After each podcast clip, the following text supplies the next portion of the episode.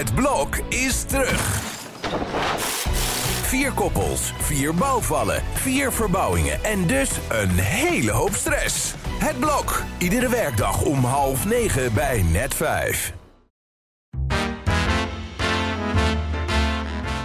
Dit is Strik Privé, de dagelijkse showbiz-update met Evert Zandgoeds en Jordi Versteegde. Op alweer een nieuwe privé-day. Ja, we gaan zo meteen natuurlijk uitgebreid bespreken wat er in het blad staat. En dat ja, is onder andere een bizar verhaal over een reddingsactie die de ex-minnares van Tom Egbers heeft moeten uitvoeren, Evert. Dat is toch wel heel spannend. Gaan we het zo over hebben? De, be- de bewuste dame, zeker. Ja. Ja, maar eerst moet ik toch even mezelf gaan redden. En dat begint met een fragment van half acht van gisteravond. Het was fijn om weer aan deze vertrouwde tafel te zitten. Ik ben ook blij om jou weer te zien, Rutger. Nou, zeker. Talkshow hoer, dat je er bent. nou ja, dat zeg ik niet, hè, maar dat las ik overal Dat zeg jij niet, ja. Nee, ik werd al talkshow-hoer genoemd. Ja, drie maanden half acht en één keertje VI. Ja, door mij dus werd die talkshow hoer genoemd. En Evert, eerlijk is eerlijk, ik moet even hand in eigen boezem steken. Dit was niet zo chic van mij. Nee. Dat zei ik al, hè? Ja, nee, ik had dat moeten onderbouwen. Kijk, in, in één keer zit hij dan voor mijn Je gevoel... toch niet iemand de hoer noemen omdat hij eh, zo aardig is om in te vallen voor een collega die zich even om zijn kinderen moet bekommeren. Nee. Dat was mijn punt een beetje. En eh, ja, jij valt ook wel eens in ergens. Dus eh Precies. talkshowwerker, dat was misschien netjes geweest. Ja. Maar dit was alle perken te buiten, volgens mij. Ja, dit was gewoon helemaal niet chic van mij nogmaals. En Sam deed het ook goed, hè? want ik hoorde gisteren dat hij een uur voor die uitzending van Vandaag een site werd gebeld. Met de vraag of hij naar de studio kon hollen. Dat deed hij. Tien minuten van tevoren kwam hij binnen. En ga er dan maar eens zitten tussen die mannen die natuurlijk ieder hun eigen ding doen. Dus dat heeft hij van... Krijg je jou ook nog over je heen? Ja, nou, grijp. Dan Wat zullen ze bang zijn voor me? Nou een mug van uh, strikt privé. hey, genoeg is genoeg. Hè?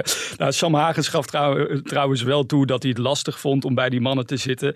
Ja, het blijkt toch maar weer dat Wilfred het juiste recept heeft hè? Om, om Johan en René eh, in de juiste hoeken te duwen. Trouwens, Ja, en tot uitspraken te, te verleiden. En eh, dat, dat, dat heeft hij natuurlijk als geen ander. En daarom horen ze ook wel tot de meest betaalde sterren van eh, de Nederlandse televisie. Zoals we zo vaak genoeg gehoord hebben nu, uit hun eigen mond. ik, dacht ja. altijd, ik dacht altijd dat Gordon de best betaalde SBS-ster was. Maar dat is dus misschien toch Wilfred Gené binnenkort. Denk je dat niet? Ja, dat zou kunnen. Ja, ik geloof dat die besprekingen lopen. Dus Ja. eh, nou, we- We zijn dat is dan ook weer uit de wereld.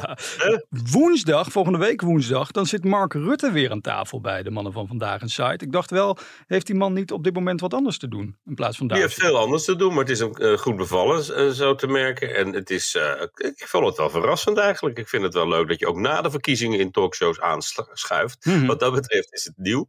En eh, dat je dan verantwoording komt afleggen van ja, toen had je je verkiezingspraatje en nu heb je hem voor je kanus gekregen.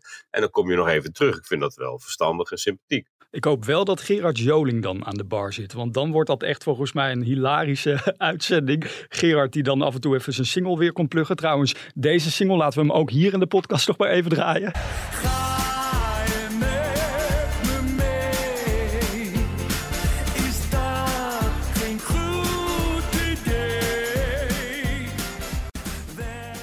Ja, ik zat gisteravond naar zijn vlog te kijken. Hij zat van de week overal. Van stoppen is toch geen sprake. Die bal kan toch niet stoppen. Of, of toch wel? Gaat hij toch stoppen? Ja, maar ik zei? vond het wel grappig dat hij toen hij in januari vrij was. En dat ik dacht van jeetje, dat bevalt me toch wel heel erg goed dit. En Ja. iemand die altijd maar doorgaat en doorgaat. En ineens tot die conclusie komt, waar doe ik het allemaal voor? En, en het hoeft eigenlijk helemaal niet meer. En elk weekend maar weer onderweg. Dan hot naar her en die weg op. En weer, waar zijn die handjes? En, en, en ja, ik kan me wel voorstellen dat je af en toe die, die pas op de plaats maakt. En zegt, zal ik er niet gewoon mee stoppen? Ja. Ik denk dat dat voor hem echt iets onmogelijks is. Omdat hij gewoon, ja, Mhm. hij is gewoon Gerard Joling van beroep. Ja. En kan helemaal niet zonder, joh. Maar eh, je ziet het ook als hij zo'n nieuwe single uitbrengt. Dat hij al zijn vriendjes bij de media bespeelt. Hij is overal, zoals je zei. Ja.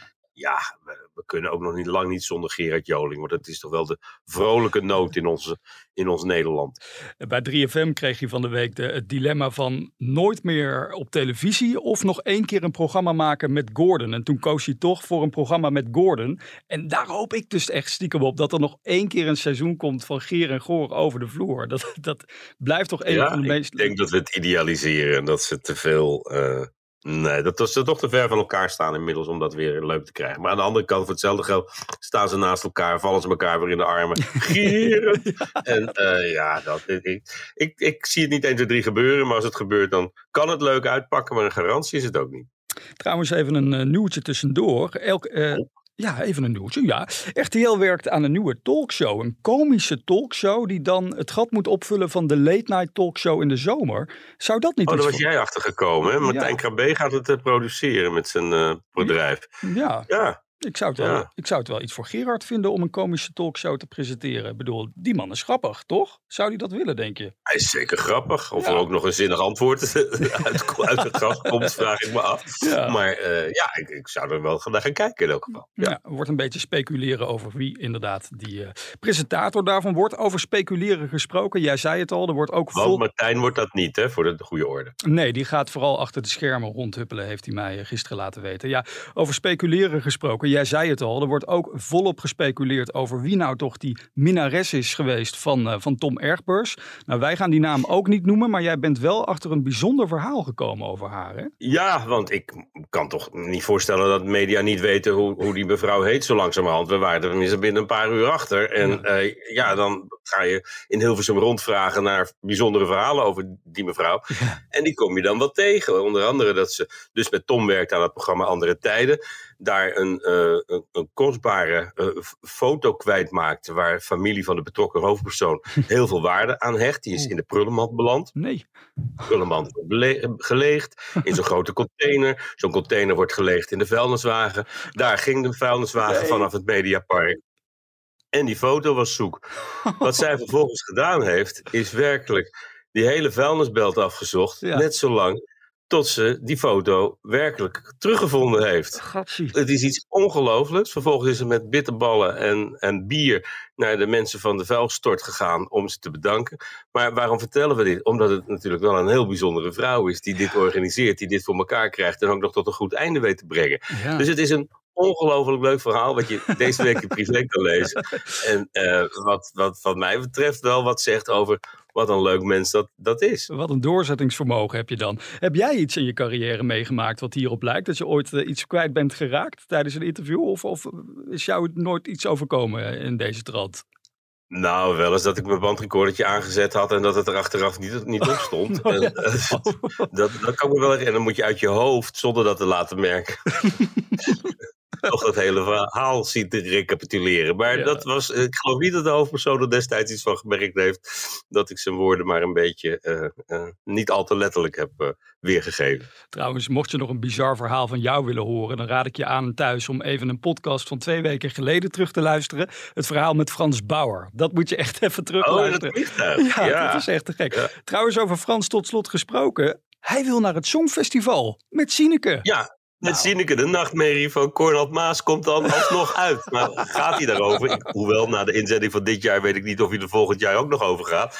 Maar uh, het is, uh, ja, Sineke die zegt dat het best een leuk idee zou zijn ja. om uh, met Frans een, een, poging te wagen. En dan dachten ze zelf aan een Griekse sirtaki om, om dat te gaan zingen. Nou, Cornald wordt gek en iedereen ook. Dus ja, ik zet zelf in op Sommieu. Ja. Dat vind ik echt de beste inzending voor, voor volgend jaar. Als ze weer zo'n knal hebben van een liedje als uh, bijvoorbeeld uh, Multicolors. Mm. Maar uh, ja, Sineke naar het Songfestival. Ik zie niet 1, 2, 3 gebeuren, mm. maar de ambitie is er zowel bij haar als bij Frans. Maar laat de ambitie van ons land ook zijn om volgend jaar echt een vrolijk nummer naar het Songfestival te sturen. En of dat nou Sommieu is of Frans Bauer of Sineke, iets vrolijks alsjeblieft, toch? Nou zeg, ongelooflijk. Wat een depressie hangt er in de lucht naar, naar, naar Liverpool binnenkort. Nou goed, vandaag is een vrolijke dag, want de privé ligt weer in de winkel. Dus ik ga er naartoe hollen en dan zijn we er morgen om 12 uur weer. Alles weer goed, Sam?